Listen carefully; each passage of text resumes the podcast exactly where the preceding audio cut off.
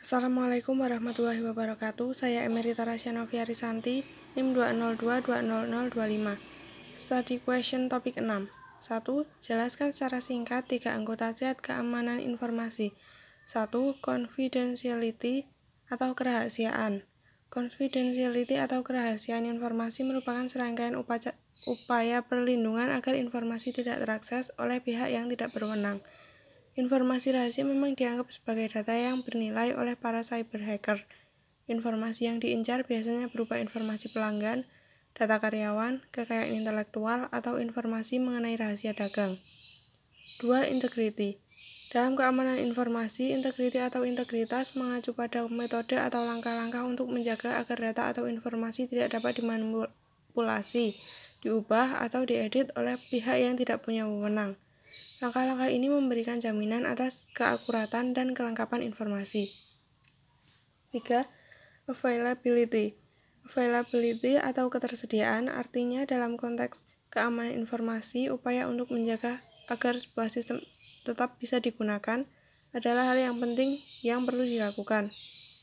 Dengan memberikan perlindungan availability, harus bisa memberikan jaminan bahwa sistem dan data dapat diakses oleh pengguna yang diautentikasi kapan pun informasi tersebut dibutuhkan.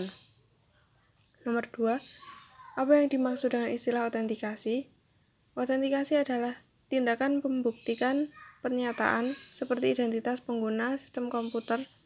Berbeda dengan identifikasi, tindakan yang menunjukkan identitas seseorang atau sesuatu. Autentikasi adalah proses memverifikasi identitas itu. 3.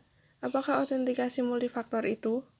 Autentikasi multifaktor adalah mekanisme keamanan yang mengharuskan seseorang untuk memberikan dua atau lebih kredensial untuk mengautentikasi identitas mereka. 4. Apa yang dimaksud kontrol akses berbasis peran? Dalam keamanan sistem komputer, kontrol akses berbasis peran atau keamanan berbasis peran adalah pendekatan untuk membatasi akses sistem pengguna yang berwenang ini digunakan oleh sebagian besar perusahaan dengan lebih dari 500 karyawan dan dapat menerapkan kontrol akses wajib atau kontrol diskresioner.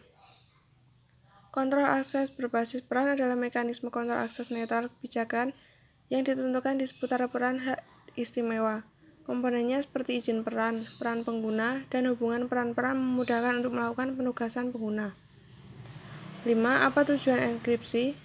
Satu, menjamin kerahasiaan suatu informasi. Dua, menyediakan autentikasi dan perlindungan integritas pada algoritma. Tiga, menanggulangi penyadapan telepon dan email. Tujuh, apa itu pretexting? Pretexting adalah jenis serangan manipulasi psikologis yang melibatkan situasi atau dalih yang dibuat oleh penyerang untuk memikat korban ke dalam situasi yang rentan dan untuk mengelabui mereka agar memberikan informasi pribadi khususnya informasi yang biasanya tidak diberikan oleh korban di luar kontak dalis.